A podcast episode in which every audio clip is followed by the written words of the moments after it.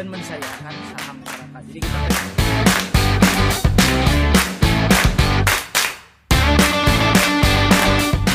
beda sama Jakarta kalau orang Bandung tuh uh, pasti investasiin buat sekolah anak. Golf itu something new. Kupu-kupu mungkin. Eh, ayahku tuh satpam gitu kan. Di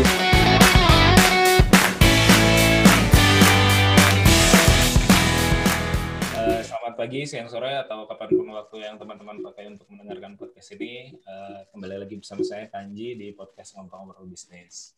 Dan kali ini eh, bersama saya sudah ada MA Kasvi. Kalau di Instagram, Kasvi MA ya. makasih lama Oh, sampai MA Kasvi ya. Eh, beliau ini adalah senior saya di jurusan di Teknik Fisika ITB. Saya 2006. Eh, Kang Kasvi 2004 ya? Apa 2004? 2004 2004 ya 2004 kebetulan eh, subjur eh bukan subjur apa ya? Lab ya namanya ya laboratoriumnya di kelompok, Hmm, kelompok keahliannya di fisika bangunan sama-sama. Dan beliau ini sejak lulus termasuk yang konsisten dan fokus di bidangnya gitu ya. TA juga tentang eh, TA-nya spesifik tentang pencahayaan ya Kang ya? TA tentang pencahayaan betul Oke ya Intinya nggak ada keahlian lain Mas Panji Oh iya. Iya, iya. iya. Coba mungkin mungkin boleh perkenalan dulu kan apa eh, singkat apa namanya eh, backgroundnya terus aktivitas sekilas sekarang eh, bagaimana gitu silakan. ya eh, Assalamualaikum warahmatullahi wabarakatuh terima kasih ini bisa ngobrol-ngobrol sama Mas Panji nih Mas Panji ini juga salah satu wirausahawan yang cukup terdengar nih di, di alumni teknik fisika kita nih. Jadi mudah-mudahan kita bisa saling sharing lah. Jadi eh, nama saya Kaspi, saya di Lighting Consultant, aktivitas saya sehari-hari di Lighting Consultant. Eh, kalau kantor sendiri baru kita rilis dari tahun 2016. Cuma kalau di lighting memang kita udah dari 2009 sejak lulus seperti yang tadi dibilang itu emang nggak ada keahlian lain kita.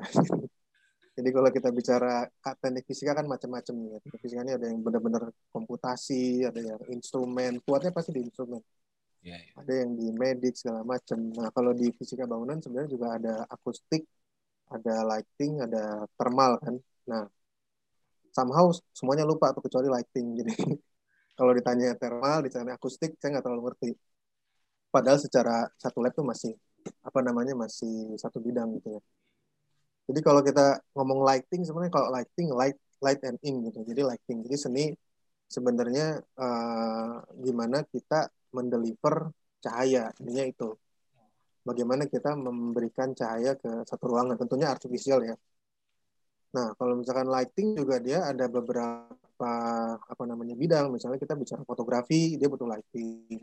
Karena memang pasti tidak ada efek-efek yang bisa dicapai semaksimal dengan lighting yang asli gitu ya. Kalau kita Photoshop pun nggak akan nggak akan sebagus kita kasih lighting. Kalau film juga pasti ada lighting, gimana uh, setiap film itu punya lighting designer supaya setiap scene itu bisa pembawaan emosinya maksimal. Jadi dari dari belakang backlight apa dari depan apalah apa lighting temaram itu ada tekniknya masing-masing. Nah, kalau yang saya tekuni sebenarnya adalah architectural lighting. Jadi bagaimana kita bisa mendeliver uh, lighting buat buat di bangunan ya. Dan seni ini pun memang uh, berkembang dari dunia stage lighting. Jadi stage lighting kita bicara dramatisasi apa namanya scene opera, misalnya ada scene uh, apa namanya seni pertunjukan drama segala macam kita dramatisasi dengan uplight dengan lighting segala macam supaya lebih membawa pesan emosional gitu ke ke audiens. Nah ini juga yang kita bawa ke ranah architectural lighting di dunia udah udah lama banget ilmunya. Tapi kalau di Indonesia memang terus terang baru tahun 2000-an mulai rame.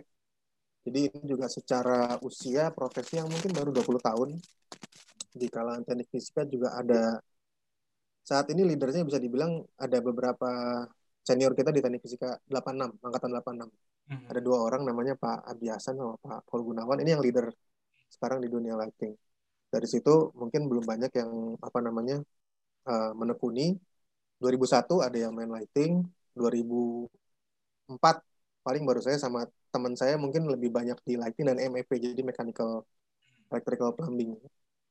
Nah, sekarang kalau secara apa namanya profesi sebenarnya apa yang kita lakukan gitu kan. Nah, ini kalau dibilang bisnis atau profesi ini bukan bisnis sebenarnya. Jadi ini lebih kepada profesi. Karena kita bicara kalau bisnis kan sesuatu sistem ya. Sistem mungkin uh, artinya kita punya final goal supaya kalau uh, apa namanya di cash flow kuadran Robert Kiyosaki kan kita pengen pengen bebas finansial pasti kan. Jadi kita bikin sebuah sistem, lalu sistem itu uh, ada produksi, lalu ada penjualan, lalu di, di antara dua itu kita bikin satu sistem yang yang apa namanya bisa dibilang mungkin uh, otonomi gitu loh, otonomus. Jadi bisa jalan terus. Nah kalau kita sebenarnya lebih mirip kepada profesi. Jadi uh, mungkin bisa dibilang uh, karena setiap project yang kita tangani itu pasti tetap butuh personal approach, meskipun tetap ada standar-standar dan apa namanya uh, desain solusi yang bisa kita gunakan. Tapi memang setiap project yang kita approach itu adalah ownernya berbeda, lalu apa namanya rumahnya berbeda, desainnya berbeda, cara mendapatkannya juga berbeda dan apa namanya di situ banyak sentuhan personal approach yang secara uh, apa namanya secara secara prinsip nggak bisa kita bilang bisnis kan kalau bisnis kita kalau istilahnya lagi libur nih berhenti kerja ya udah bisnis jalan gitu kan kalau kita mungkin kalau berhenti kerja mungkin ada beberapa hal yang nggak bisa kita terusin gitu nah sekarang kalau menuju ke profesinya sendiri dunia lighting ini sebenarnya adalah bisa dibilang niche market di, di Indonesia ya. Jadi ya, betul, betul. kita bicara lighting itu uh, architectural lighting ini yang sangat-sangat niche market. Jadi misalnya gini, uh, kalau kita levelnya kita bicara uh, apalah misalnya perbelanjaan ya. Kan kalau pusat perbelanjaan apa barang yang dijual gitu kan. Kita bicara Indomaret lah misalnya. Ya mungkin. Nah, ini masuk iklan kan? Gak apa-apa. Gak apa-apa. Jadi kita bicara toko convenience store biasa gitu kan. Apa yang kita butuhkan? Kita butuh bright ya kan, nyala supaya customer bisa jalan-jalan mencari apa yang dia uh, apa yang dia beli. Gitu kan. Nah kita naik lagi ke level yang lebih sedikit. Saya bicara department store misalnya. Jadi ada barang-barang fashion, ada barang-barang yang ditawarkan yang sebenarnya mungkin owner, eh misalnya klien kita nggak tahu dia mau mau beli tapi oh begitu ini dia tertarik. Nah itu Nah, dari situ ada lebih lagi, ada pasar-pasar luxury store di mana mungkin dia nggak nyari, tapi ketika dia lihat, oh jadi pengen gitu loh. Nah, ini juga level-level ini yang sebenarnya uh, ada di lighting. Jadi kita bisa lighting paling basic adalah pencahayaan buat penerangan nih.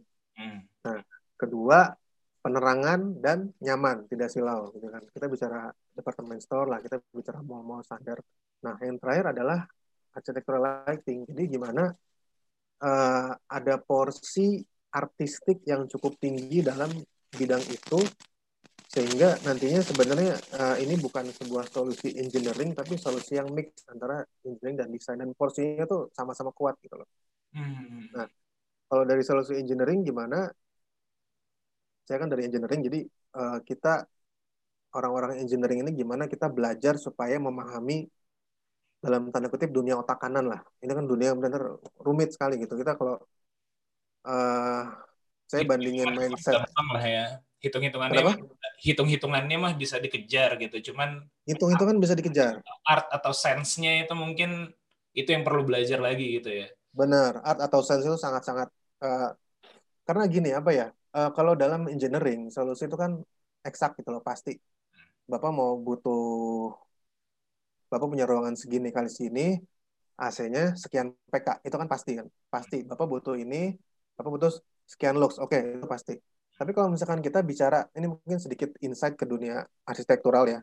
Arsitek, interior, itu mereka tuh sangat-sangat random. Buat saya tuh kita belajar banyak. Gitu loh.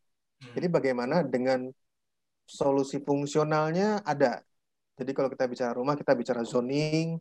Saya mau rumah apa ruang makannya dekat sama koridor sama apa namanya living room saya mau ini punya akses ke apa namanya misalnya inner court segala macam itu itu fungsional tapi kalau kita bicara taste hmm. Nah ini sebenarnya uh, ibaratnya tuh sebenarnya solusinya secara fungsional tuh ya udah gitu loh ini adalah penutup selubung ini adalah finishing ruangan gitu tapi saya senangnya yang gimana nih? Nah, ini kan jadi hal yang menarik. Jadi gimana kita bisa uh, suggest sama owner nanti uh, ibu ini bagusnya finishingnya yang ini nih karena dia matching sama ini. Jadi ketika kita bicara reasoningnya dikaitkan sama hal yang lain gitu loh.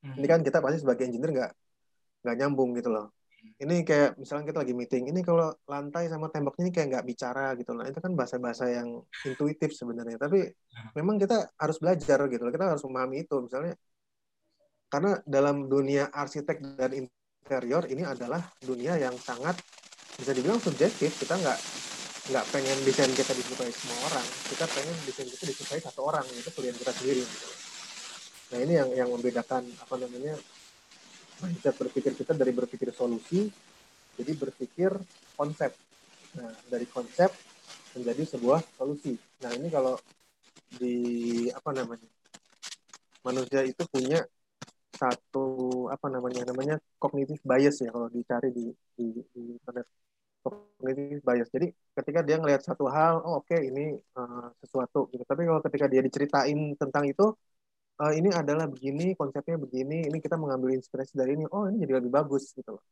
Nah ini sebenarnya basic kepada uh, apa, bagaimana kita bisa uh, memberikan konsep kita kepada klien kayak gitu. Nah kalau kembali ke lighting, jadi yang harus kita lakukan adalah aspek engineeringnya adalah kita bisa kita bicara jenis-jenis lampu tentunya. Perkembangan lampu LED itu udah pesat banget. Kita bicara efisiensi dari mulai 100 lumen per watt udah jadi 150 lumen per watt udah banyak banget efisiensinya. Kita bicara apa namanya uh, berapa watt total, kita bicara pakai tegangan berapa, lalu kita bicara apa namanya sistem dimmer, control system, wiring, kita bicara kabel segala itu aspek engineering. Tapi uh, apa yang owner ingin lihat adalah bukan itunya, yang owner ingin lihat adalah bagaimana dengan lighting yang kita propose, ruangan dia menjadi tampil dengan lebih baik. Jadi kalau kita bicara, karena gini, manusia ini sebenarnya bisa dibilang uh, kita ini bergantung kepada apa yang kita lihat gitu loh. Jadi kalau kita bicara ruangan, mana yang paling terang itu yang kita lihat duluan. Misalnya ruangan, oh lukisan lebih terang daripada yang lain. Lalu misalnya ada lampu uh, floor lamp, lalu misalnya mejanya kita highlight. Ini berarti ada hierarki ruang dalam konsep visual yang kita arrange supaya ruangan itu menjadi tampil lebih menarik. Jadi ini itu aja. Yeah. Kita bicara kita bicara bagaimana meletakkan meletakkan lampu di fasad di interior, lalu kita memberikan image yang berbeda dari sebelum kita kasih lighting dan sesudah kita kasih lighting. Intinya servisnya di situ. Hmm. Iya iya, itu menarik banget sih. Apalagi tadi kalau ditarik mundur dari dasarnya bahwa uh, lighting ini atau pencahayaan uh, berangkat dari uh, staging gitu ya, dari dari benar benar dari dunia dunia performance lah ya ibaratnya. Benar. kita lihat. Ya. Gitu. Yang mana memang butuh itu ya, butuh nuansa lah ya dalam. Nah, exactly. Yes. Kalau kalau video ataupun film ataupun uh, apa namanya teater gitu kan selain hmm. selain uh, aktornya, selain peran yang dimainkan untuk menambah hmm. nuansanya, dikasih lighting, dikasih efek Benar. Lain-lainnya lah. Misalnya kalau Benar. kalau kita bicara Fishbang berarti ada akustiknya juga di situ, gitu kan? Bagaimana suara Akustik, betul. mempengaruhi, terus juga Benar. kecayaan. Nah, ketika dibawa ke arsitektural ya ke ke arah hmm. ranah rumah, memang sebenarnya uh, nuansa seperti apa sih sebenarnya kalau kalau kalau kita bicara misalnya contoh-contoh klien-kliennya gitu. Mm -hmm. uh, Aku kan eh, nggak uh, terlalu ngeh juga ya, maksudnya oke okay lah di rumah mm -hmm. ruang keluarga atau kamar tidur pengennya nyaman gitu. Mm -hmm. uh, nah seberapa penting tuh uh, tipe pencahayaan seperti apa? Karena kalau di rumah di rumahku sendiri sih ya lampu mah sama-sama aja. Yeah. Maksudnya yeah, ruang keluarga ya kayak uh. gini, ruang tidur tuh kayak gini, terus uh, di ruang kerja juga ya itu itu aja gitu emang emang berapa penting dan seberapa itu bisa direkayasa ya seberapa itu bisa hmm. direkayasa untuk mempengaruhi mungkin nanti ujungnya kayak kayak mood juga ya mood mood mood betul kayak kita lagi itu hmm. gimana hmm. jadi gini ya memang um, kita kalau bicara uh, sebuah bisnis atau sebuah profesi pasti ada segmen market yang kita arah nih ya kan Nah, kalau kita bicara segmen market, pasti di dunia mana pun kan piramida gitu kan. Ada yang ada middle low, ada yang middle height. Nah ini kita bicara uh, kita ini mau service kepada uh, segmen market yang mana nih? Nah sama kayak arsitektur sebenarnya. Jadi ketika misalnya uh, yang kayak kita nih, oh kita mungkin uh, kita pengen punya rumah untuk tempat istirahat, that's it gitu kan. Makanya kita beli yang BTN yang udah ready, yang udah apa namanya, udah nyaman, udah kita tinggal tinggal tinggal beli deh, misalnya atau mungkin mau nyicil misalnya, atau nyicil syariah misalnya. Nah, itu kita akan cukup puas. Nah, setelah itu mungkin kita punya develop keinginan-keinginan baru misalnya. Oh, saya pengen nanti ya kalau kita udah punya rumah yang impian, nanti pengen arsitekturnya, stylenya, oh kayaknya pengen agak klasik nih, atau mungkin oh saya suka yang modern nih, misalnya brutalism gitu, atau mungkin yang semen-semen konkret di mana-mana gitu, atau mungkin yang apa namanya, oh saya mau yang agak ini deh kayak klasik French atau klasik Italian atau Mediterranean. Nah ini kan mulai develop style nih, ya kan? Mulai develop style. Nah nanti mungkin setelah itu dia udah hire arsitek, terus kayak oh ini kalau interior desainnya agak pengen diinin lagi ya. Nah akhirnya dia hire interior design.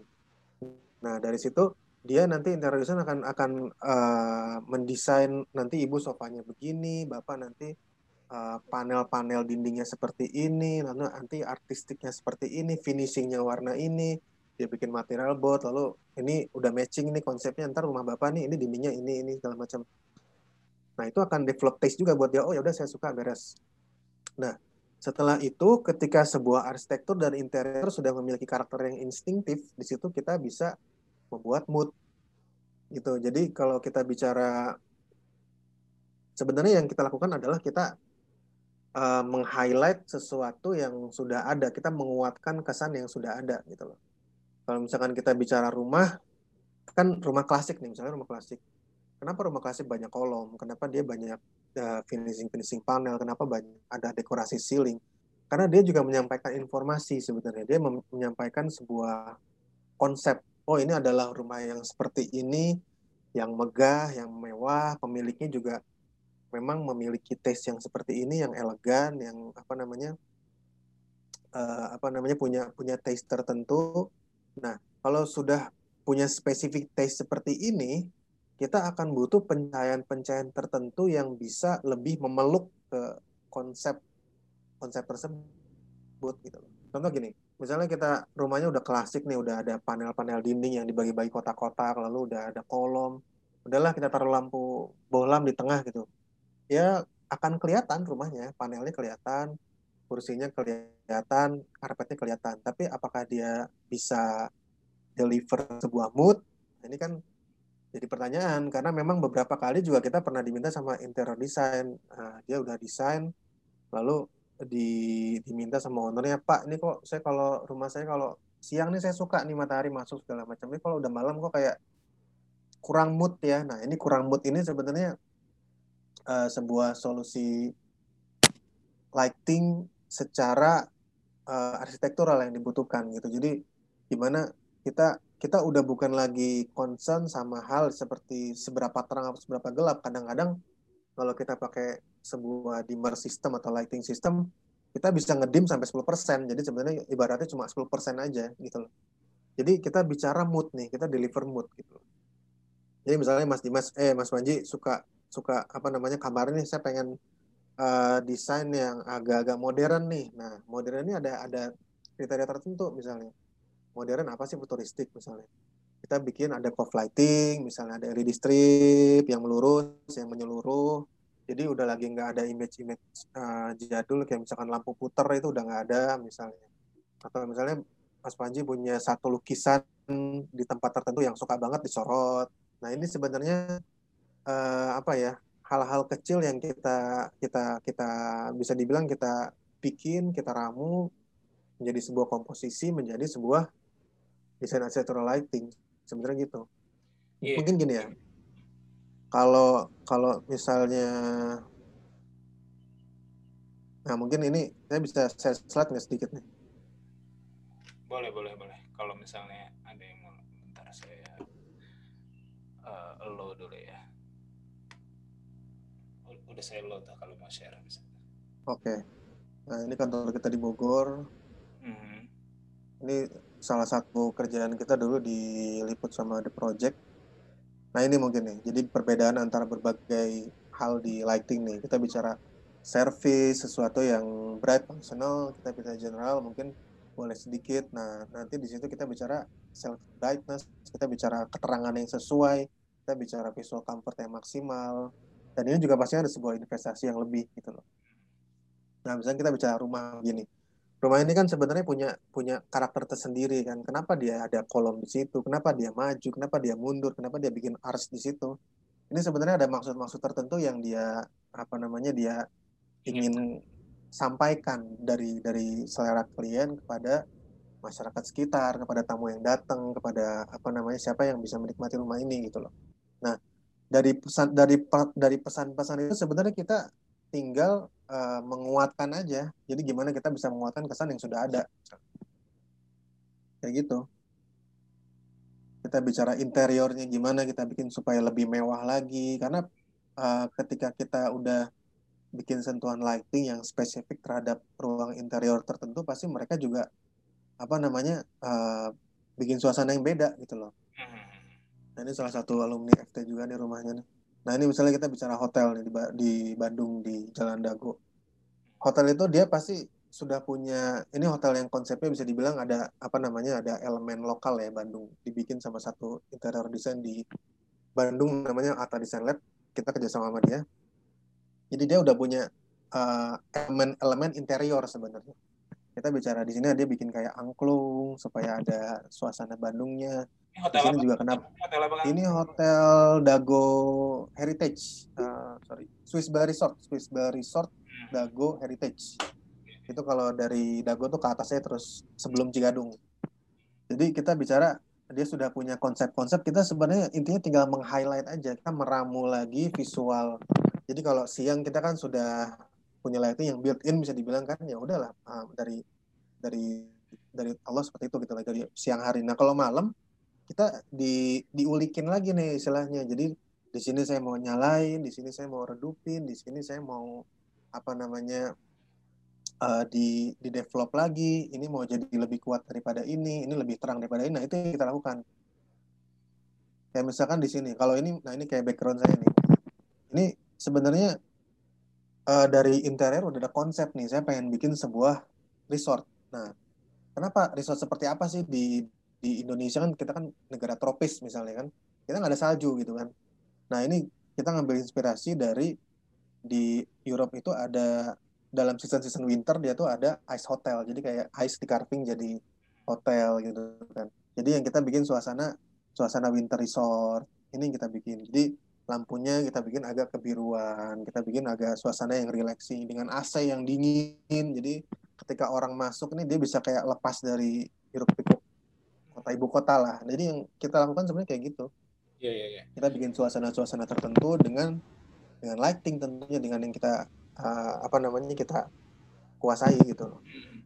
Iya dan dari hmm. warnanya juga jadi jadi berbeda ya dua-dua contoh. Warnanya berbeda uh, benar. Contoh ini. Nah tadi uh, kaitannya itu kan sebenarnya tadi ya mood, rasa, nuansa hmm. itu kan. Hmm. Tapi kan sebenarnya apa yang uh, Kang Kasbi lakukan adalah kan engineering kan, mereka yang kan ke teknik. Itu bagaimana Betul. menerjemahkan rasa itu ke teknik sih atau ke engineering ya. hmm. ya. Contohnya misalnya kalau saya jadi inget nih, jadi inget pas hmm. lagi ketika lagi TA dulu. Kalau saya kan di akustik hmm. kan. Salah hmm. satu yang waktu dulu kita coba terjemahkan adalah misalnya kalau di akustik tuh kan ada istilahnya kalau di istilah apa ya istilah populernya kan ada warna suara, ada timbre Benar. gitu kan. Ya. Juga ada misalnya ketika kita ngomongin uh, struktur ruang konser atau tempat konser itu ada hotspotnya, ada VVIP-nya atau apa segala macam. Benar. Kita mencoba menerjemahkan itu dalam atau kita mencoba merekayasa itu dalam kefisikaannya atau ke teknik fisikaannya adalah oke okay, ya timbre ini apa sebenarnya sih? Oh dia perpaduan hmm. frekuensi sebenarnya, dia hmm. perpaduan frekuensi kayak gini-gini sehingga muncul uh, warna suara yang unik kayak gitu. Nah itu hmm. coba, yeah. dan bagaimana itu coba uh, kita produce ulang atau juga ketika dalam ruang apa tadi ya ruang konser gitu misalnya.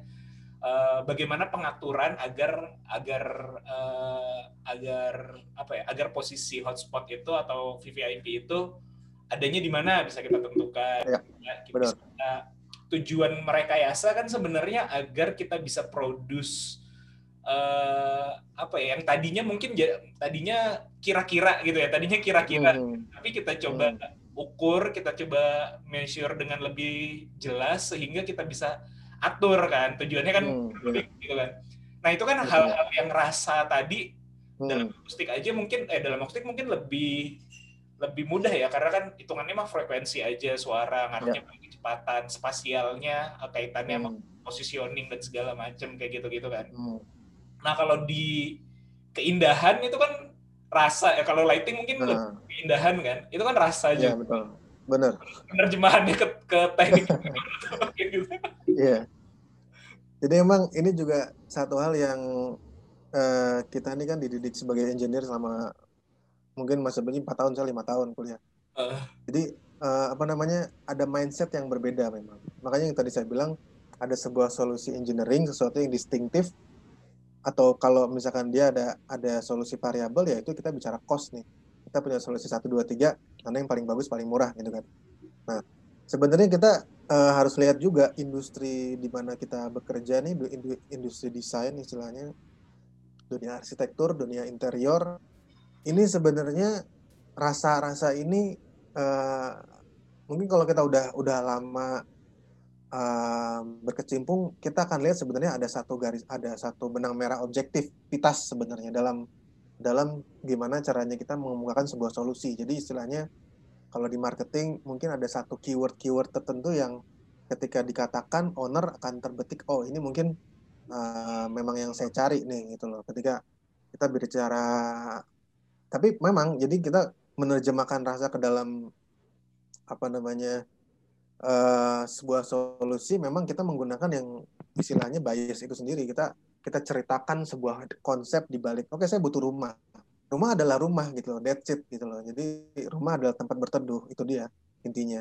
Tapi rumah yang seperti apa? Nah saya mau saya punya anak tiga saya kamarnya tiga. Lalu nanti buat kamar uh, saya dan uh, orang tua di sini segala macam. Itu kan sebuah solusi kan fungsional. Tapi mau stylenya seperti apa mau dilihatnya seperti apa desainnya seperti apa ini adalah pure subjektif. Jadi gimana kita bisa uh, tanya sama ownernya ibu sukanya yang seperti apa? Oh saya sukanya yang seperti ini ini ini. Dia akan kasih kita sebuah koridor bisa dibilang tanda kutip koridor ide-ide yang akan dia suka gitu loh. Nah dari koridor-koridor ini memang nantinya kita akan membutuhkan sensitivitas. Sebenarnya ini benang merahnya apa sih dari dari ide-ide ini gitu loh.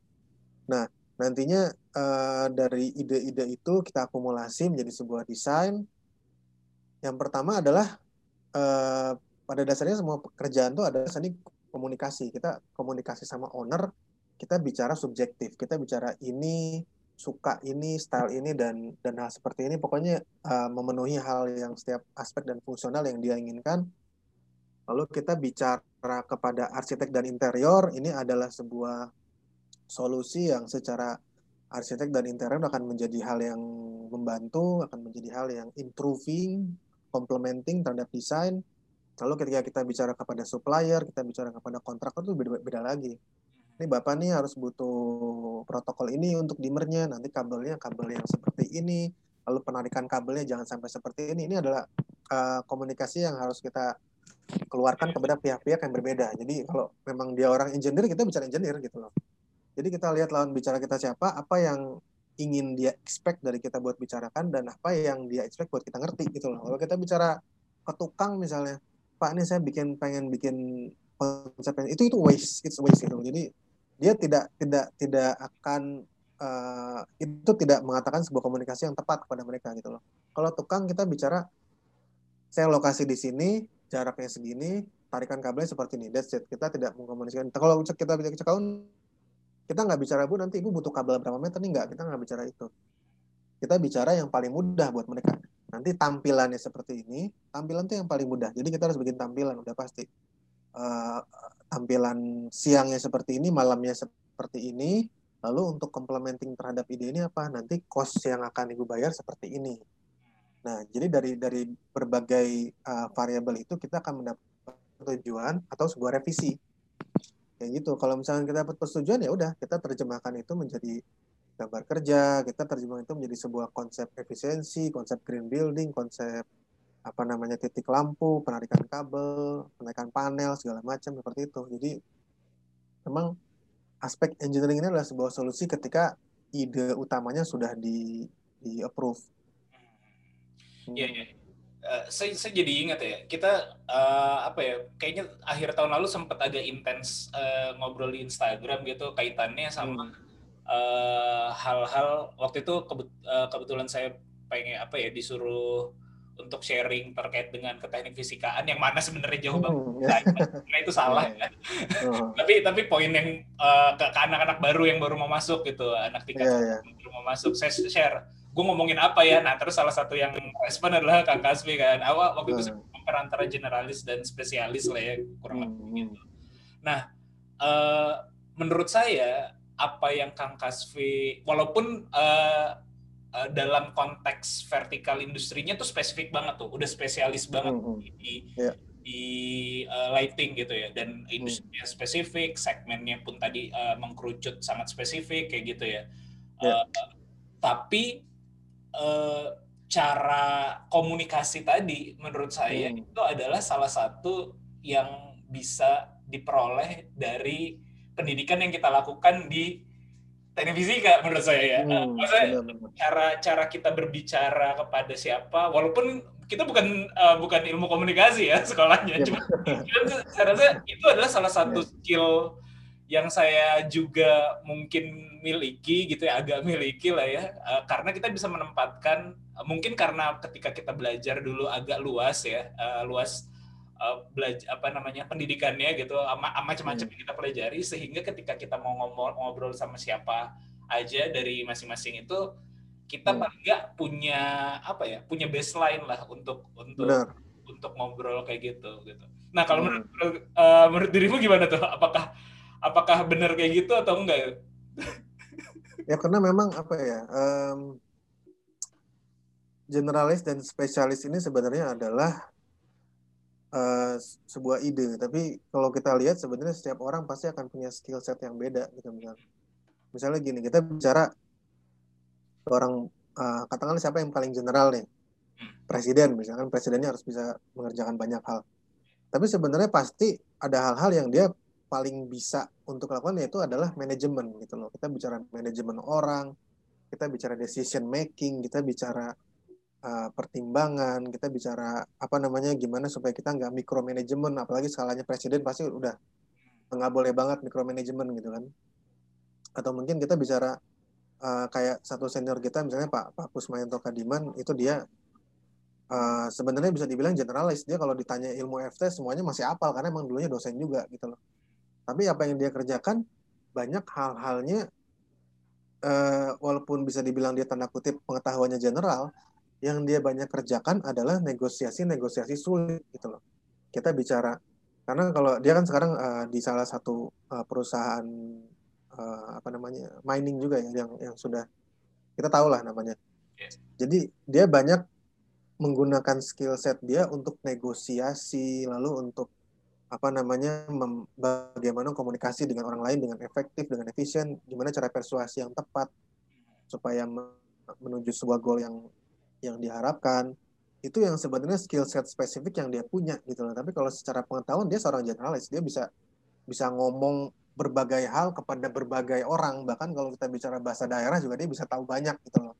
Kayak keyword-keyword daerah yang istilahnya kalau dikasih tahu orang langsung ketawa tuh tahu banyak dia. Nah itu menurut saya sebuah skill set yang spesifik tapi kalau secara pengetahuan dia adalah sebuah uh, apa namanya uh, membutuhkan sebuah pengetahuan yang general. Jadi kalau kita bicara teknik fisika memang um, saya juga nggak tahu sebenarnya dulu pas masuk FT mau jadi apa gitu. Jadi kita juga nggak tahu mau ngapain gitu. Akhirnya kan kita belajar ada komputasi. Saya dulu seneng uh, programming sedikit tapi memang kayaknya nggak nggak seneng seneng banget gitu loh akustik dulu emang saya sempat suka musik juga seneng tapi memang ketika sudah makin tingkat akhir memang kalau kalau mengutip uh, uh, kalimat yang di, diucapkan sama Steve Jobs nih misalnya kita tidak bisa bikin benang merah ke depan kita bisa bikin benang merah ke belakang gitu jadi sebuah skill set yang memang dari dari dari awal tuh memang kita milestone milestone-nya kita udah punya gitu loh. Nah sekarang kalau orang mau berkecimpung di dunia lighting, apalagi lighting design, jadi ada lighting design, lighting engineering ini beda nih. Lighting engineering kita bicara efisiensi lampu maksimal, kita bicara reflektor yang maksimal supaya bisa lebih tajam cahayanya, bisa lebih efisien. Lalu kita bicara heat sink yang maksimal, pembuangan panas segala macam. Ini engineering banget, lighting banget, lighting apa namanya, eh, teknik fisika banget lah bisa dibilang. Nah kalau lighting design sebenarnya porsi desain bisa dibilang tinggi sekali 80% gitu loh. Dan saya juga misalnya dari dari dari dari SMA udah main Photoshop gitu loh, udah udah seneng seneng sketsa-sketsa, lalu misalnya uh,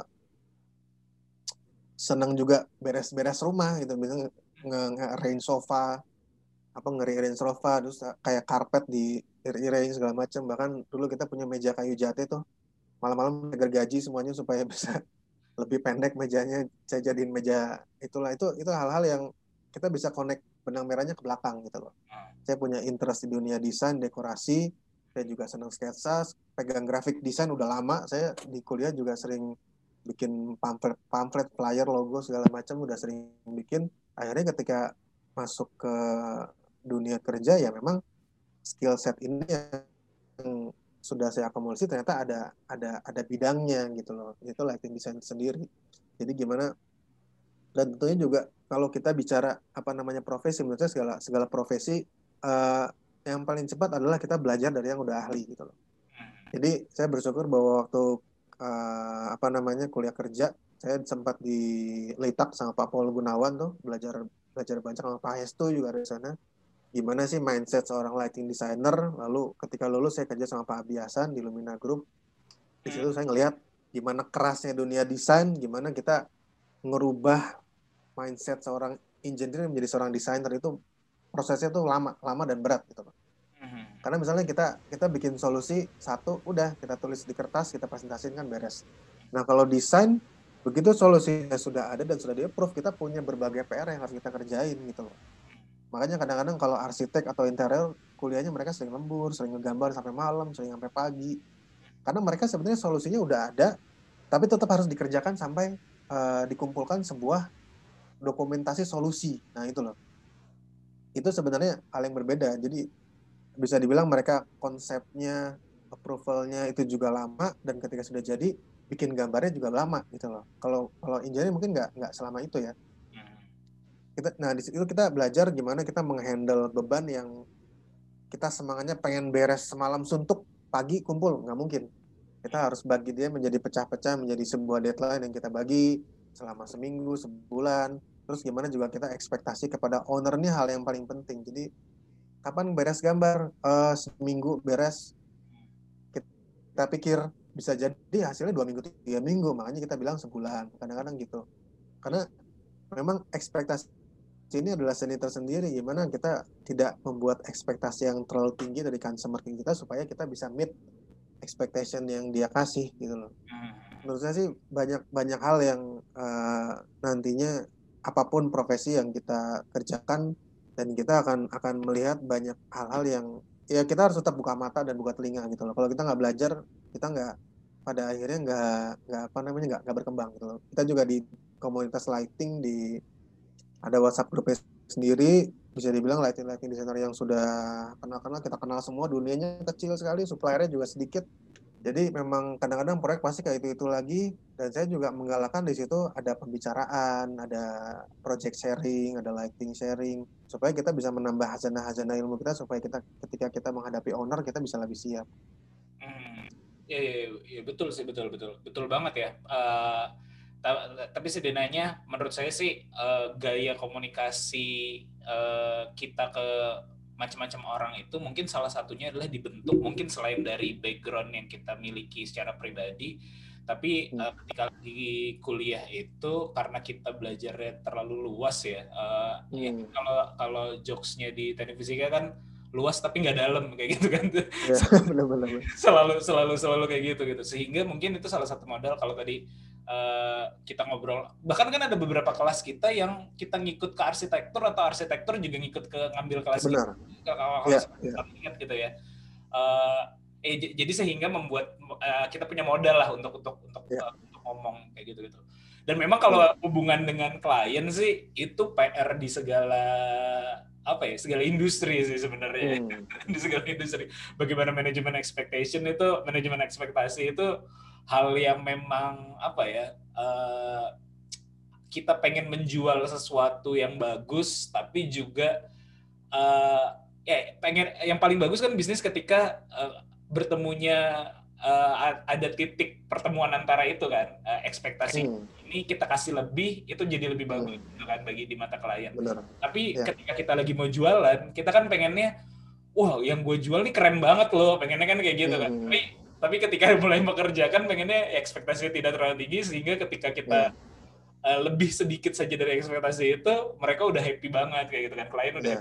itu itu itu uh, apa ya uh, long lasting sih sebenarnya panjang Benar-benar. proses untuk bisa bisa situ Ditemukan di semua lini ya kayak gitu ya. Kebetulan semua lini gitu bahkan Hmm. misalnya kalau aku lebih banyak di IT eh, walaupun sekarang udah jarang yang sifatnya konsultasi gitu ya maksudnya eh, project gitu ya jarang yang sifatnya project tapi ketika dulu di project pun eh ya begitulah Eh, ya paham lah bagaimana dunia konsultasi Hmm, konsultan ini bekerja kayak gitu sih. hmm, Nah kalau kalau ngomongin industrinya eh, Kang hmm. tadi kan udah disebut ya ini adalah segmen apa ini segmennya segmented banget gitu niche lah ya Hmm. Eh, terus juga pemainnya nggak terlalu banyak kalau di Indonesia gitu sebenarnya eh, seberapa besar sih marketnya gitu ya Eh, kalau kita bicara contoh kliennya aja hotel perhotelan apakah Hmm. semuanya udah mulai aware terus apakah misalnya rumah-rumah high end gitu rumah-rumah eh, eh, orang-orang eh, kaya kayak gitu ya Hmm.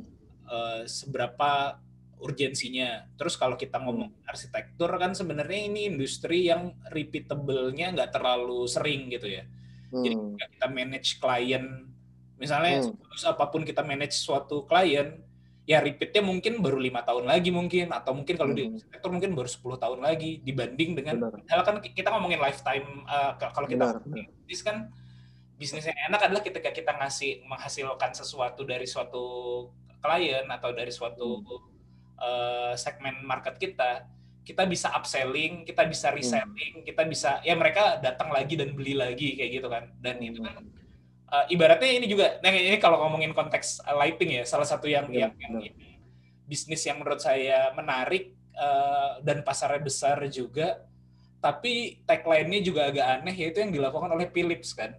Philips Hmm. dia bilang tuh uh, lampu lah ya, lampu-lampu Philips gitu. Dia dia kan bisa bertahan 10 tahun atau ketika Hmm. sampai 10 tahun eh, apa ya, garansi apa ya kayak gitu-gitulah tag, eh, Hmm. tagline-nya kurang, kurang lebih kayak gitu. Itu agak aneh tuh. Padahal kan kita pengennya ngejual kalau bisa besok beli lagi, besok beli lagi deh kayak gitu kan. Siklusnya Iya. panjang tuh, siklusnya panjang dan Nah. semakin produk kita bikin kita bagus, makin lama orang beli laginya semakin lama. Nah, eh, Hmm. itu itu bagaimana tuh mensiasati hal-hal hal-hal yang tadi kayak gitu kalau di dunia uh, lighting design. Memang menarik ya. Jadi memang eh, kepada siapa kita menjual akan akan berbicara banyak bagaimana kita berbisnis gitu loh. Makanya memang kalau di dunia project ini memang eh, sangat disayangkan banyak orang yang sifatnya ya tanda, tanda kutip tabrak lari gitu loh. Jadi udah ngerjain, udah dibayar, beres, apa pun yang terjadi ya udah gitu loh. Mungkin nggak repeat order, mungkin nggak nggak apa segala macam. Tapi emang makanya ketika kita bicara menjual kepada kalau Philip nih, Philip kan menjual kepada kalangan masyarakat. Kita bisa semua orang bisa beli lampunya yang harganya 25.000, 75.000 atau berapa kita udah, bisa beli gitu loh. Tapi ketika kita jualan dengan orang yang sangat banyak, artinya akan ada pesaing. Nah, akan ada pesaing artinya adalah eh, dua nih. Kalau mau bersaing kita bicara kualitas atau bicara harga. Kualitas mana yang lebih bagus sehingga orang beli lampu dia lebih mahal tapi lebih bagus atau kita bicara harga dia lebih murah gitu. Kalau kita bicara lampu LED misalnya yang bulb itu mungkin kalau beli di Philips harganya 70.000 misalnya. Osram mungkin 60.000 atau misalnya tiba-tiba di pasaran ada merek-merek lain yang tiba-tiba muncul harganya 40.000 gitu. Jadi eh, kita mau masuk lini mana nih? Lebih murah, apa lebih bagus, apa lebih kualitas? Tentunya kalau kualitas kita juga sebenarnya eh, tidak specifically selalu eh, gimana ya? Jadi sebenarnya uh, kita bicara marketing sebenarnya. Jadi kita marketing barang kita sebagai hal yang lebih bagus dari yang lain atau lebih murah dari yang lain itu adalah sebuah tagline sebenarnya tapi kalau kita bicara bisnis project memang uh, kita akan bertemu dengan orang-orang yang katakanlah misalnya dua persen atau lima persen yang ada di apa namanya Forbes Indonesia misalnya orang itu akan saling berhubungan, akan saling ketemu, akan saling interaksi gitu loh. Pasti one hour another gitu. Dan kalau kita tidak memberikan kesan yang baik kepada klien-klien kita, apalagi klien yang tabrak lari, itu nanti bisa dibilang nama kita akan jelek gitu loh. Jadi sebenarnya kita bicara bisnis ini adalah ketika kita sudah uh, apa namanya kita sudah servis, ini kita bicara bagaimana kita menyeimbangkan antara budget yang sudah dipropose dengan service yang kita kasih gitu loh. Ini akan jadi uh, lifetime consideration ya. Kita harus akan selalu memikirkan gimana kita bisa memberikan service yang terbaik dengan kita manage balancing budget yang seperti itu. Gitu. Berapa kali kita ketemu dengan klien ini kan cost. Hmm. Apalagi misalnya kita kantor di Bogor, kerjaan kita banyak di BSD, Jakarta, Bandung misalnya. Nah ini kan sebenarnya transport per hari ini kan overhead cost nih. Lalu kita bicara karyawan kita juga apa namanya ada gaji per bulan itu harus kita manage. Jadi gimana load-load mereka ini harus harus maksimal apa yang mereka kerjain harus efisien. Mereka harus kerjain hal yang sudah jelas ini ini ini dan paling cepat mereka kerjakan. Ya kalau misalkan kita udah udah agak gede kita udah udah nggak perlu micromanagement lagi kita bisa lebih ke megang orang-orang tertentu buat megang orang sekian banyak gitu loh. Tapi kalau bicara bisnis memang uh, apa yang kita hasilkan harus selalu uh, ada ada filosofi sebenarnya. Jadi filosofinya adalah good is good enough. Jadi kalau udah bagus ya bagus gitu. Kadang-kadang kita nggak perlu istimewa, tapi ketika uh, kita bicara bagus ya bagus karena bagus kita dengan bagusnya klien bisa jadi beda gitu loh. Buat mereka itu adalah ketika buat mereka solusi ini sudah memenuhi semua yang mereka inginkan, itu sudah bagus. Tapi kalau menurut kita mungkin sebenarnya ini bisa dibetulin lagi, sebenarnya ini bisa diimprove, sebenarnya ini bisa ditambah lagi gitu. Tapi kita harus benar-benar tahu bahwa apa yang diinginkan sama klien-klien kita gitu. Karena apa pun yang kita propose kepada klien itu tambahan budget buat buat supply yang akan mereka beli nanti ketika mereka udah tender ke supplier gitu. Jadi sebenarnya mindsetnya adalah uh, gimana kita bisa bikin desain yang sesuai ekspektasi tentunya kita tidak marketing berlebihan karena marketing berlebihan juga pastinya akan jadi masalah gitu loh.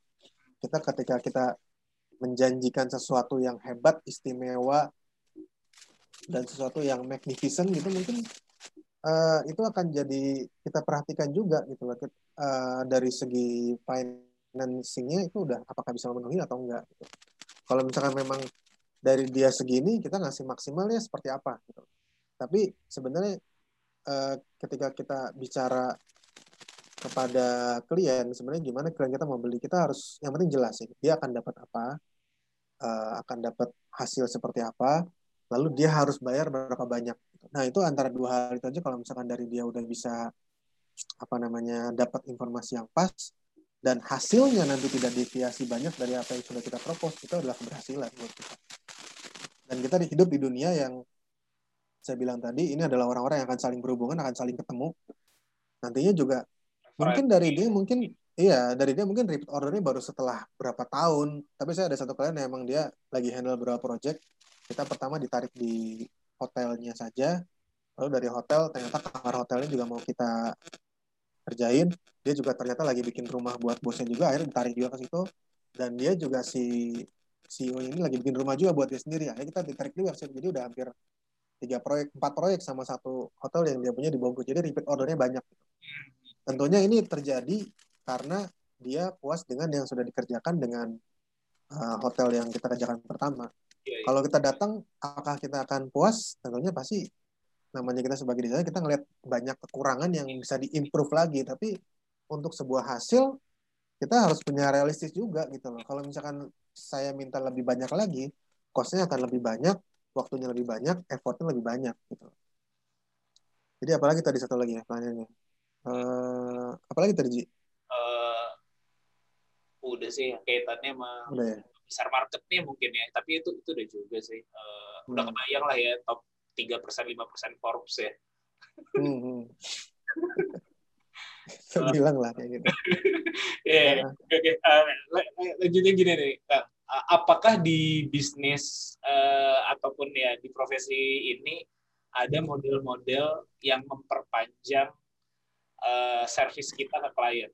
Contohnya gini, aku dulu ketika lagi di consulting gitu ya di IT ataupun ya di IT sih mostly kayak gitu, kita ada mekanisme eh, manage service lah ibaratnya ada uh, istilah atau uh, ada managed service. Managed service ini after sales sebenarnya, after project itu selesai. Tapi itu adalah upaya kita satu untuk menjalin hubungan lebih panjang dengan klien. Itu yang pertama. Yang kedua, tentu saja kita mencoba uh, ya mencari revenue tambahan lagi. Salah satu contoh prakteknya misalnya kalau kita habis de- deliver suatu produk gitu ya, misalnya ke eh, korporasi apa gitu ya, atau ke bank atau ke mana gitu, atau ke pemerintahan gitu. Biasanya ada beberapa service yang masih kita handle, misalnya eh, entah misalnya server ataupun ya server paling standar sih. Eh, terus misalnya apakah eh, rutin monthly eh, rutin update atau misalnya monthly eh, apalah kayak gitu yang yang yang eh, satu memperpanjang nafas kita juga memperpanjang eh, hubungan kita dengan klien. Kita ingin menggali apa men- mendapatkan revenue lebih panjang juga dari klien dan klien memang butuh itu juga gitu. Eh, ada juga teman yang main di eh, energi manajemen eh, apa namanya energi manajemen kayak gitu. Dia biasanya memperpanjang ininya adalah misalnya eh, kaitannya dengan klien hotel dia akan rutin cek AC atau rutin cek eh, apa Hmm. gitu. Jadi itu ada service-service tambahan yang tujuannya untuk memper, ya, menjaga hubungan juga dan memper- memperpanjang Hmm. yang didapatkan. Nah kalau di dunia eh, arsitektur ini atau desain lighting ini ada ada model-model kayak gitu nggak sih yang yang dilakukan? Eh, mungkin sebenarnya jadi apa ya eh, kalau bicara bisnis modelnya Mas Panji kan memang eh, desain dan solusi gitu kan. Jadi memang desain dan solusi ini diberikan secara bersamaan. Artinya sebuah produk produk desain dan sebuah produk pemikiran ini sekalian. Jadi artinya dan itu pun pasti butuh maintenance gitu. Sama kayak misalkan kalau di dunia lighting supplier mereka pasti untuk rumah-rumah tertentu yang misalnya udah 2000 meter persegi itu ownernya udah udah udah harus sangat-sangat dibantu nih untuk untuk memanage. Jadi misalnya dia bikin ada provide kunjungan sebulan sekali untuk ngecek berbagai item yang rusak. Lalu kita bicara eh, dia ngecek berbagai peralatan dimmer yang harus diperbaiki atau apa. Itu ada. Cuma kalau di dunia yang pure consultant eh, dari kita sebenarnya hmm, bisa dibilang ya nggak ada sih. Kalau apa pun yang kita kasih adalah eh, apa yang kita tawarkan. Jadi kalau misalkan ketika bisa dibilang setelah serah terima ini service-service dari kita sesuai dengan yang eh, tersedia di kontrak dan kontrak juga penting. Jadi supaya jelas output-output apa yang kita kasih sesuai dengan kemampuan yang kita kita kita bisa lakukan. Nah setelah itu ya sebetulnya yang sudah sudah sih banyak banyak eh, lebih ke sifatnya tidak tidak menambah kepada kita tapi sebenarnya eh, kita service kepada owner. Jadi misalnya Pak ini saya lampu mati nih. Oh ya udah Bapak bisa beli di sini sini sini sini gitu. Saya kasih list supplier, saya kasih list saya kasih list misalnya eh, siapa yang bisa mengerjakan. Jadi bisa dibilang banyak WhatsApp grup dari klien yang saya kerjakan dari awal 2016 sampai sekarang ini belum ada yang saya keluarin gitu. Jadi mereka masih ngobrol kadang-kadang gitu Pak masih gini mau nanya Pak ini lampu mati ini nyari ke mana ini nyari ke mana nah, ini kalau dari model bisnis nggak ada dari kita tapi kalau dari service kita ke owner tentunya ini adalah sebuah dunia yang interpersonalnya sangat-sangat penting gitu loh. Gimana kita menjalin hubungan yang baik sama owner supaya apa namanya nggak nggak ada nama jelek di belakang kita gitu loh. Oh ini di kerjaan Kaspi ini kok jadi begini lightingnya. Nah ini pasti menyebar. Berita buruk tuh menyebar lebih banyak daripada berita baik gitu jadi gimana kita bisa uh, bikin hasil yang bagus kita bikin hubungan yang baik sama owner. Lalu kalau ada apa-apa yang mereka mau dibantu ya kita bantu sesuai kemampuan kita. Ya, misalkan uh, kemarin tuh ada satu klien kita yang uh, lampunya ada yang mati misalnya. Oh iya bapak bisa beli di sini atau kalau perlu saya hubungi sekitar ibu nanti uh, ditransfer ya dari bapak ini untuk beli barang-barang ini segala macam. Lalu misalnya uh, Pak ini lampu di sini misalnya udah mati kenapa ya? Misalnya orang kita saya kirim sebentar, oh ini ibu ini naro naro transformernya ini kena air nih, jadi pada mati rusak. Ibu harus beli di sini. Ini saya ada orang yang bisa bantu ibu, ibu enggak? Gitu. Ya udah mau, ya udah kita bantu aja. Tapi secara bisnis itu nggak ada, tambahan. Tapi buat kita bisa dibilang sebenarnya dunia konsultan tuh banyak banyak hal-hal yang kita tidak bisa kuantifikasi gitu loh. Jadi kadang-kadang kita juga bicara marketing sulit juga mau marketing kita kita segmen pasar kita nggak tahu mainnya di mana gitu. Ya kemarin misalnya ada teman saya yang baru balik dari dari S2 di Europe. Dia lagi senang energi manajemen. Ayo kita ngobrol. Ngobrol segala macam apa namanya uh, ya ngalor ngidul masalah apa bisnis model segala macam masuk ke pemerintahan gimana caranya. Banyak kita ngobrol. Ya udah kita ngobrol-ngobrol aja. Saya nggak saya nggak niat marketing nggak niat propose. Kalau misalkan MLM saya nggak niat prospek sama dia gitu loh. Ini saya punya lighting gini loh. Lo mau nggak bantuin? Nggak saya kita ngobrol aja ngobrol gitu kita ngobrol hubungan baik tiba-tiba dia ada teman yang punya klien mau bikin rumah nah dari situ baru jadi kerjaan tapi kan kita kan merem gitu loh istilahnya kita tawakalnya banyak lah jadi jadi nggak nggak nggak kuantifikasi gitu loh kalau kita misalnya uh, bicara uh, marketing di Instagram. Oke, okay, kita Instagram di ada foto yang bagus, kita hire fotografer yang sudah profesional di foto project kita dengan bagus sekali kita taruh di Instagram kita iklanin. Yang like mungkin bisa 700 orang, bisa 1000 las. Apakah ada yang uh, apa namanya uh, masuk jadi project? Bisa dibilang nggak nggak bisa kita kuantifikasi. Cuma yang bisa kita lakukan adalah uh, publikasi. Kita publikasi di majalah, di mana segala macam. Dari situ karena ibaratnya kita jualan batagor nih kan sehari ini minimal saya harus punya klien 100 orang baru saya bisa dapat balik modal buat jualan batagor lagi besok gitu nah kalau kita kan namanya di dunia project kan kita dapat satu klien satu bulan itu udah luar biasa gitu loh dan karena satu klien itu akan kita handle selama misalnya uh, jangka project satu tahun nih nah dalam setahun itu kita udah punya batasan nih kalau saya mungkin uh, di atas 15 project kita udah udah udah agak susah handle-nya. Dan jadi misalnya di uh, satu tahun ini ada 15 sampai 20 project. Mungkin beberapa project akan jalan bareng nih. Nah, ini yang yang sulit nih kita manage uh, timeline-nya gimana. Mungkin 4 sampai 5 project yang jalan bareng kita bisa handle. Tapi begitu uh, apa namanya mulai banyak, nah ini kita manajemen nih, apa yang mau kita prioritasin, apa yang harus kita uh, ada hold dulu, apa yang bisa kita ini. Nah, ini seninya banyak gitu ketika kita hidup di dunia yang project base istilahnya terus kita bicara apa namanya uh, kliennya juga nggak nggak nggak nggak nggak belum tentu datang setiap bulan.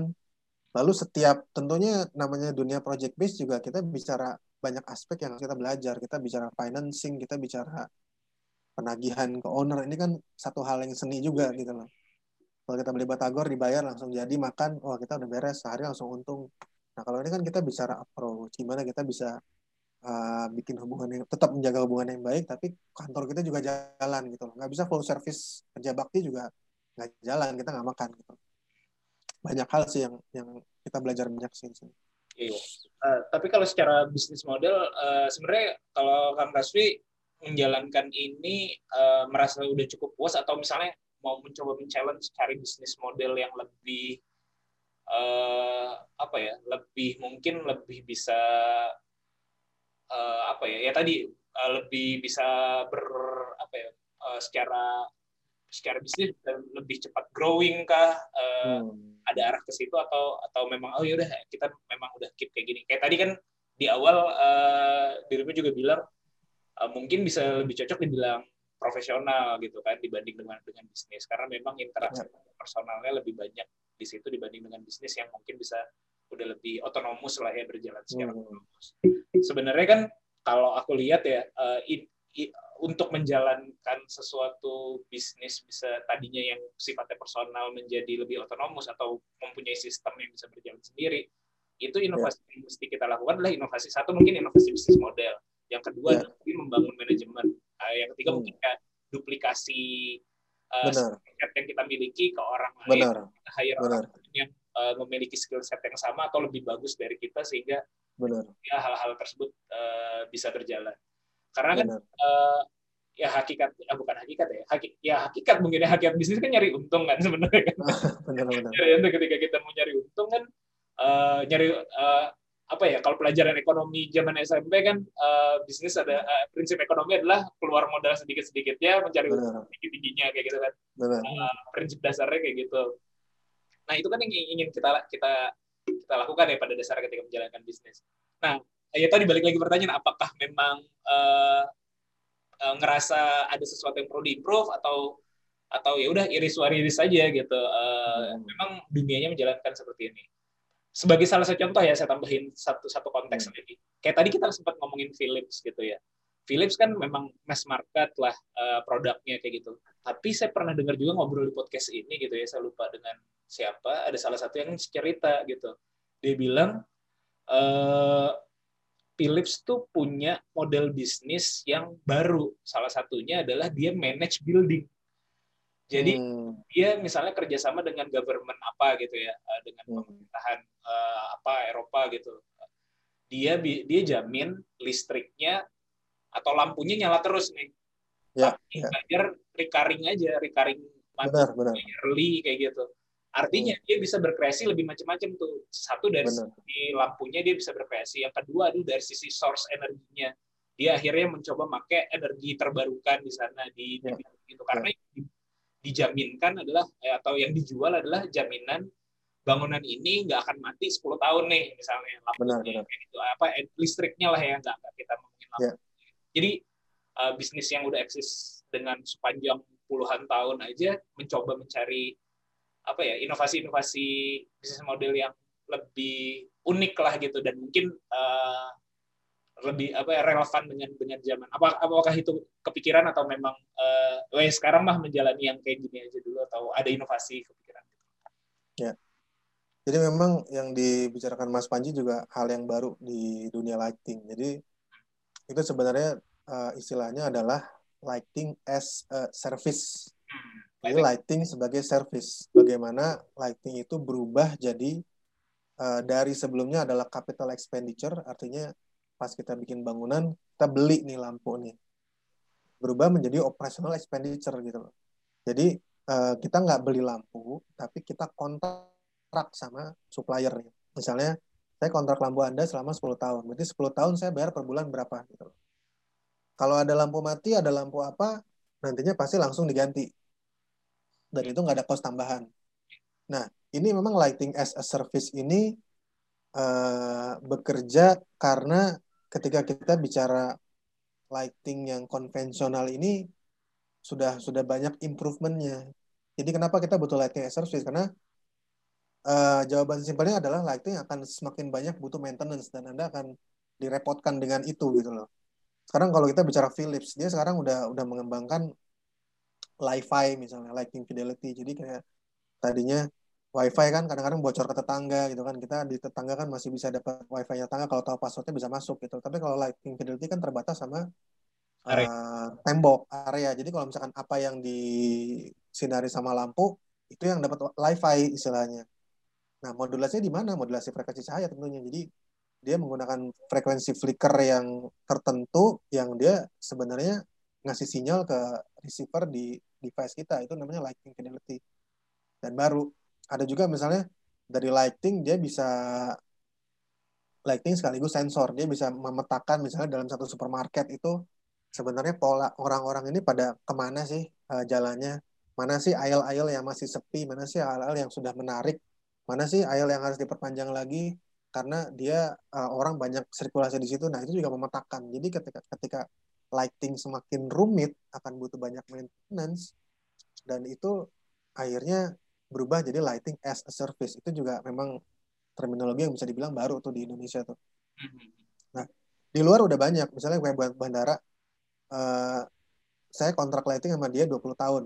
Nah, mungkin dalam 20 tahun itu modal lightingnya akan tertutupi. Somehow setelah berapa tahun lighting modalnya akan tertutupi dan dia akan mulai sebagai profit gitu kan. Tapi secara uh, apa namanya si uh, apa namanya si kliennya dia tidak akan direpotkan dengan biaya awal yang tinggi sekali. Misalnya kalau kita bicara rumah nih, rumah misalnya kalau kita bicara lighting dan dimmer mungkin bisa habis satu juta per meter. Misalnya kalau rumah seribu meter persegi bisa satu miliar. Nah ini kan biaya kos yang gede. Tapi kalau misalnya dia kontrak dengan lighting supplier, saya mau uh, hire bapak sebagai lighting supplier di saya, nanti saya bayar per bulan sampai jangka waktu tertentu. Nah itu kan dia akan menghindari. Mungkin dalam waktu lama dia akan bayar lebih banyak dari itu, tapi kan pengeluarannya per bulan akan jadi ringan. Ditutupi dengan kos-kos lain yang masuk setiap bulan gitu loh. Itu ada lighting as a service. Nah, kalau kita bicara lighting konsultan, kalau buat saya memang uh, saya selalu berpikir bagaimana caranya kita bisa mendeliver uh, gambar dan solusi lebih cepat dan lebih akurat kepada klien dengan resource yang lebih sedikit. Jadi kita lihat uh, kita selalu develop lagi. Ada beberapa yang sudah jadi standar kita, ada beberapa yang uh, kita sesuaikan lagi. Sebenarnya ini klien kita udah udah udah ngerti kok kontraktor tuh udah ngerti kok dengan gambar seperti ini kenapa harus dibikin lebih spesifik dan lebih rumit nah itu kan man hour costnya kan nah itu kita selalu improving nih gimana caranya supaya bisa lebih maksimal. Jadi informasinya tetap tersampaikan tapi dari kita resource-nya bisa lebih cepat. Atau kan uh, apa namanya bisa menjadi sebuah advantage juga buat klien. Ketika kita bisa deliver lebih cepat. Yang tadinya kita bikin gambar kerja sebulan jadinya cuma dua minggu. Misalkan itu kan uh, apa namanya advantage. Itu kalau buat uh, existing existing klien kita yang memang di uh, middle up ya. Tapi kalau misalkan kita bicara lighting di antara up dan middle, sebenarnya masih ada level-level yang kita belum masuki gitu. Kita bicara misalnya uh, apa namanya, gimana caranya supaya minimal orang yang hire arsitek yang dia sudah punya taste yang spesifik bisa kita provide service. Artinya misalnya dari mereka mungkin bayar lighting konsultan kalau secara kos bisa sama kayak bayar arsitek gitu mungkin wah ini apa nih kosnya tapi kalau misalkan kos-kos itu ditutupi dengan harga-harga harga HPP dan modal artinya menjadi barang mereka jadi nggak nggak nggak kaget lagi. Karena mereka pun beli segitu gitu loh. Ibaratnya kita beli lampu misalnya eh, uh, 20 juta misalnya. Kita beli dari kontraktor pekerjaan misalnya. Sama misalnya 20 juta dari uh, sebuah sistem lighting design and build.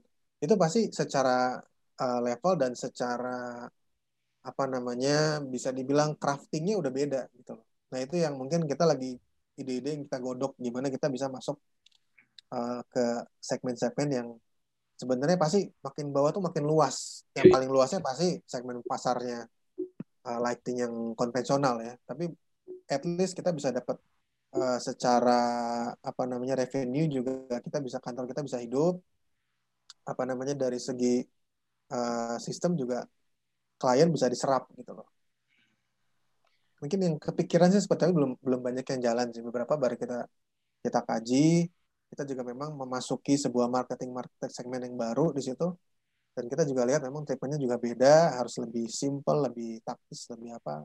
Kita, kita tetap garap sih, karena memang namanya kita bikin company kan nggak nggak mungkin stagnan gitu ya. Pasti ada kita efisiensi apa yang bisa lebih efisien, apa yang bisa kita improve lagi apa yang bisa kita ini lah ini kan kita kan struggling terus nih mm-hmm. gimana caranya supaya uh, namanya tetap stay afloat nih apa company kita nih yeah, yeah, yeah, pasti gitu sih kan yeah. menarik menarik menarik karena kalau ngomongin marketingnya kan tadi uh, apa ya belum ada atau uh, ibaratnya tadi mungkin istilahnya adalah lebih banyak tawakalnya kayak gitu. ada ada strategi khusus nggak sih? Apakah misalnya uh, oke okay, gue per bulan harus uh, rilis hmm. Uh, tulisan misalnya di uh, majalah-majalah uh, arsitektur kayak gitu. Uh, atau gue harus lebih banyak uh, gaul dengan misalnya kalau kalau teman-teman ada konsultan tertentu gitu ya. Oh uh, level yang bisa hiring gue adalah misalnya high end gitu. Mereka biasanya bermainnya di lapangan golf. Ya udah gue harus hmm. mainnya ke lapangan golf gitu misalnya. Atau uh, ya ada teknik-teknik atau uh, strategi marketing atau sales secara khusus nggak sih pendekatan hmm. uh, strategi yang dilakukan gitu? Jadi memang um, ini kan kita rilis lighting konsultan di 2016 ya. Hmm. Tapi kita udah ngerjain lighting dari 2009, which is ada tujuh tahun nih. Tujuh tahun kita uh, apa namanya kerja di dunia lighting dan pada akhirnya memang sampai hari ini pun eh, banyak klien-klien kita mungkin sekitar 75% klien kita dari semua orang yang kita temui selama tujuh tahun itu. Jadi kita jadi kalau kita bicara strategi tertentu intinya adalah menjadi orang yang yang yang yang biasa aja. Jadi ya maksudnya punya koneksi yang baik gitu. Kita kita bisa nyambung dengan orang karena kalau kita di dunia project sebenarnya kita akan bertemu dengan banyak orang dan ketika kita bertemu dengan banyak orang kita tidak bertemu dalam suatu suasana yang kita tidak bertemu dalam suasana yang pretensius gitu loh. Kita bertemu dalam bisa dibilang titik nadirnya orang gitu loh. Kita ngurusin duit, kita ngurusin kerjaan, kita ngurusin apa namanya deadline, kita ngurusin koordinasi itu apa namanya akan banyak sekali interaksi yang ketemu. Dan dari situ sebenarnya banyak yang berkesan akhirnya jadilah sebuah koneksi gitu. Jadi kalau strategi marketing tertentu gimana bisa dibilang gimana ketika kita masuk ke project kita bisa dapat teman-teman baru nih. Arsiteknya lah interiornya lah apa namanya si uh, kontraktor-kontraktornya lah. Siapa yang kira-kira bisa kita approach kita ajak ngobrol gali hubungan yang baik lalu tentunya misalnya kita setiap uh, hari-hari raya besar kita kirim bingkisan segala macam ini kan uh, strategi marketing untuk memanage link yang sudah ada nih jadi sementara memang uh, ditar dicari sebuah formula kuantifikasi antara marketing dan uh, pekerjaan belum belum banyak ketemu gitu loh. Jadi kita kuantifikasi belum bisa. Jadi banyak. Jadi kayak menghitung uh, misalnya bulan ini approach seribu orang yang deal dari situ ada dua nah, orang belum belum belum belum ini ya. Nggak, nggak bisa gitu. bisa ya. Oke oke. Uh, jadi kita oh. karena kita juga benar-benar harus memanage antara apa yang kita kerjakan di kantor sama apa yang kita kerjakan di luar. Hmm. Jadi selalu memang bisa dibilang akhirnya jadi sesuatu yang intuitif gitu loh. Gimana kita bisa ngerjain sesuatu di kantor, kita bisa mendelegasikan ini ke orang, dan kita tetap harus punya waktu buat networking. Kita ketemu siapa, kita ngobrol sama siapa, ada kesempatan kita ngobrol, ada seminar ngajak ngobrol orang, itu pasti jadi upaya-upaya. Tapi ketika kita kuantifikasi belum tentu ada. Hmm. Bahkan kita ketemu sama satu uh, apa namanya generasi kedua yang punya developer besar dan punya resort di Indonesia kadang-kadang komunikasinya bisa jadi nggak ketemu karena memang uh, belum belum ada istilahnya belum belum connect gitu loh. Tapi kalau udah connect kerasa nih oh enak nih ngobrolnya dan connect pun belum tentu jadi kerjaan gitu loh. Nah memang tahun ini sih kita berusaha memang uh, ya alhamdulillah dengan metode yang itu sih empat tahun kita jalan. Tentunya ada pasti ada plus minusnya. Tapi di tahun ini sih kita berusaha supaya uh, masuk ke dalam ranah digital marketing. Karena memang uh, bisa dibilang uh, market segmen kita juga mulai shifting nih dari orang-orang yang punya lingkaran-lingkaran kecil, lalu punya apa namanya misalnya lingkaran golf atau apa suka apa misalnya mulai beralih ke generasi kedua mereka yang banyak di rumah, banyak sosial media, dan banyak browsing. Jadi lucu juga. Jadi beberapa kemarin uh, saya ketemu beberapa vendor, kok bisa masuk ke dia? Oh ini ownernya browsing. Nah ini jadi kata kunci nih. Ketika marketing segmen ini mulai beralih ke digital marketing, kita lagi siapin gimana caranya supaya kita bisa masuk itu. Artinya kita bicara manipulasi SEO, apa SEO ya istilahnya. Kita bicara gimana bikin satu page yang organik, karena memang Instagram kita nih misalnya, mungkin kalau kita iklanin belum tentu dapat klien dari situ, tapi kalau ada orang yang mau hire kita, dia akan cek Instagram kita, dia akan cek feednya, kita orangnya seperti apa, story-nya seperti apa. Karena selain desain, kita akan juga banyak bicara dengan personal nih. Ini orangnya gimana sih? Kalau saya hire, enak gak nih kerjasamanya nih? Nah, kita lagi nyiapin, uh, mungkin tahun ini sih ada beberapa strategi-strategi marketing yang sifatnya digital marketing. Kita pengen pegang satu keyword tertentu di Google Search supaya kalau orang cari tuh keluarnya nama kita gitu. Karena ya ini sih sebuah upaya-upaya ya kalau kita mau kuantifikasi jadi project mungkin belum banyak tapi sebuah istilahnya ikhtiar-ikhtiar lah dari situ kita bisa apa namanya kita bisa bikin karena memang misalnya kita bicara hukum Pareto misalnya kita approach 100 orang mungkin yang reply 20 dari 20 kita sebar lagi. Mungkin yang tertarik cuma 20% lagi dari situ. Nah, dari 20% tertarik nih, belum tuh jadi project. Mungkin dari situ 20% mulai ngajak ngobrol dan punya hubungan baik nih. Nah, dari situ mungkin lebih kecil lagi baru jadi project. Tapi kalau kita bicara dapat satu dari berapa orang aja udah bagus karena kita nggak nggak butuh banyak project. Iya iya. iya. Cuma iya uh, maksud saya uh, ketika kita punya formulasi-formulasi seperti itu kan kita jadi bisa ngukur sebenarnya kan. Uh, uh, jadi misalnya uh, tahun ini gue punya target uh, salesnya atau revenue-nya sekian. Uh, berarti berdasarkan pola-pola yang tadi udah kita bikin gitu misalnya 20 dari 20 dari 20 dari 20 kayak gitu ya. Uh, berarti gue harus hmm. achieve uh, koneksinya misalnya ternyata 10.000 orang dalam satu tahun gitu. Nah, itu kan jadi jadi lebih apa ya? lebih terukur lah kita ini benar, benar. Uh, ya tapi itu itu strategi yang menarik sih uh, apa ya uh, SEO ataupun digital marketing dan saya rasa di berbagai macam industri pun bahkan misalnya kemarin sempat ngobrol juga dengan uh, ada salah satu uh, Foundation ya. Saya ngobrol sama teman-teman uh, direkturnya Medco Foundation juga. Dan dia juga di grupnya Medco gitu.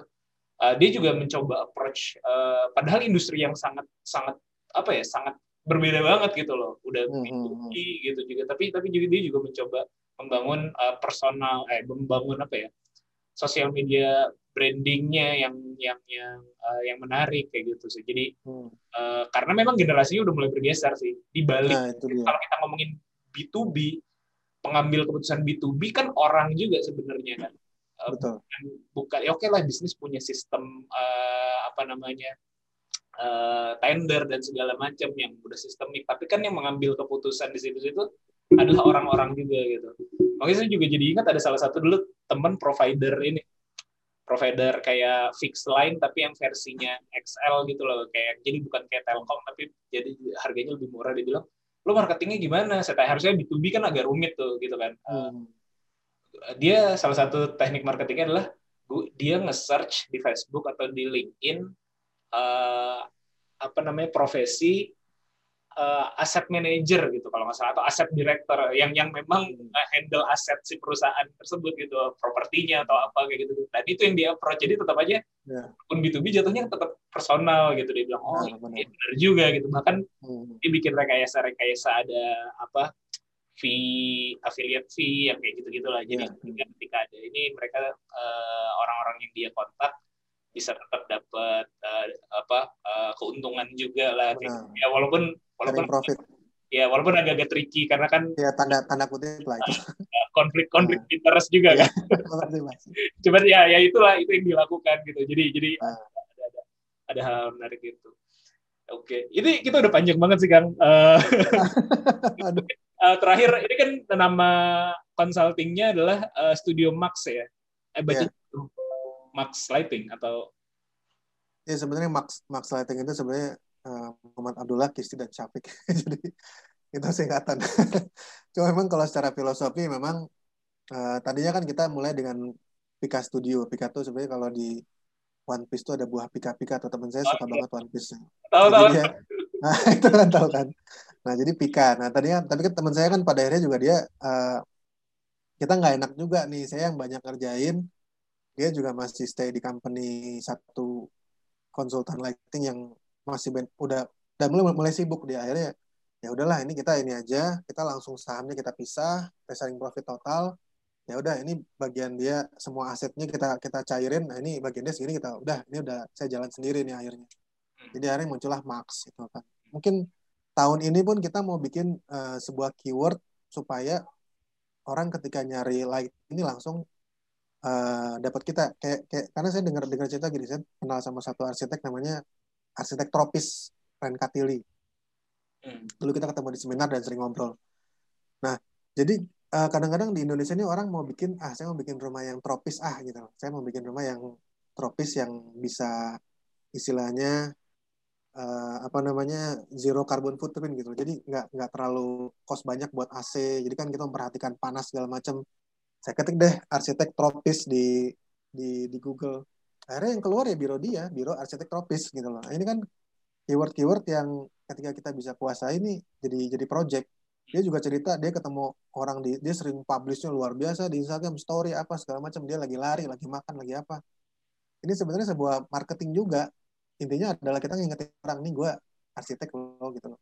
Dia pernah di approach sama satu orang pak ketemu dong di Surabaya ketemu ketemu udah ketemu eh, apa namanya Eh, dia ketemu dia sempet sempetin ternyata dia dapat project apartemen tujuh lantai sama dia dan dia owner yang dibilang generasi kedua gitu loh makanya ini emang bukti-bukti generasi mulai shifting ke digital marketing ini menurut saya mulai muncul gitu loh. Makanya banyak arsitek dan interior juga mulai bikin fit yang teratur di digital marketing bikin keyword-keyword tertentu supaya bisa apa namanya bisa lebih menangkap kesan kita juga lagi rilis sebenarnya kita saya punya tiga Instagram page satu uh, Emma Kasvi di situ personal juga nggak banyak sebenarnya.